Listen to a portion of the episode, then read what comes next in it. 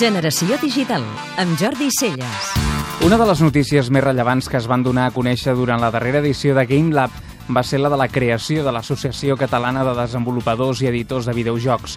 La nova associació es diu Dedicat i comença amb la presidència d'un veterà del sector, si és que es pot considerar que aquest sector té veterans, com és en Gerard Fernández de l'empresa Digital Chocolate.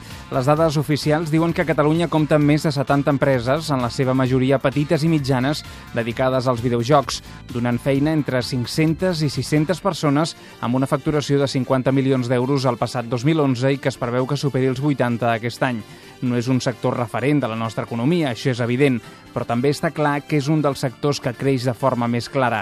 L'entreteniment digital està consolidat des de fa temps com el principal sector de les indústries culturals a nivell mundial. A més, requereix de poques inversions en maquinari i estructura. Bàsicament centra tot el seu valor en la capacitat creativa i de desenvolupament, neurones i matèria gris. Països com Finlàndia s'han posicionat sòlidament dins aquest àmbit gràcies a empreses com Robio i el seu gran èxit Angry Birds, un producte on el que destaca clarament és el talent i la capacitat creativa molt més enllà de les potents maquinàries que tradicionalment han dominat els sectors líders de les indústries culturals com el cinema i la música.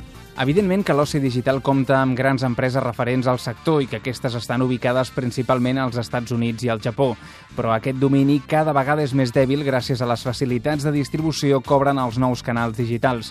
Avui més que mai, les diverses botigues d'aplicacions per a telèfons intel·ligents i per a tauletes tàctils, així com les botigues en línia per a les consoles PlayStation 3, Xbox 360 i Wii, fan que distribuir productes a nivell mundial sigui una tasca relativament senzilla. Que els desenvolupadors i editors de videojocs jocs catalans s'uneixin no només ha de servir per crear un lobby de cara a les administracions i poder millorar les relacions polítiques i les ajudes econòmiques. També hauria de servir com a interlocutor clau amb els centres de formació i recerca que els nens i les nenes que avui somien en treballar fent videojocs tinguin un camí clar, amb plans d'estudi adequats, una bona coordinació entre universitats i cicles formatius de grau superior per tal de nodrir de professionals preparats una de les indústries culturals que més alegria ens pot aportar durant els pròxims anys. Podeu escoltar Generació Digital cada dissabte de 4 a 6 de la tarda a Catalunya Ràdio.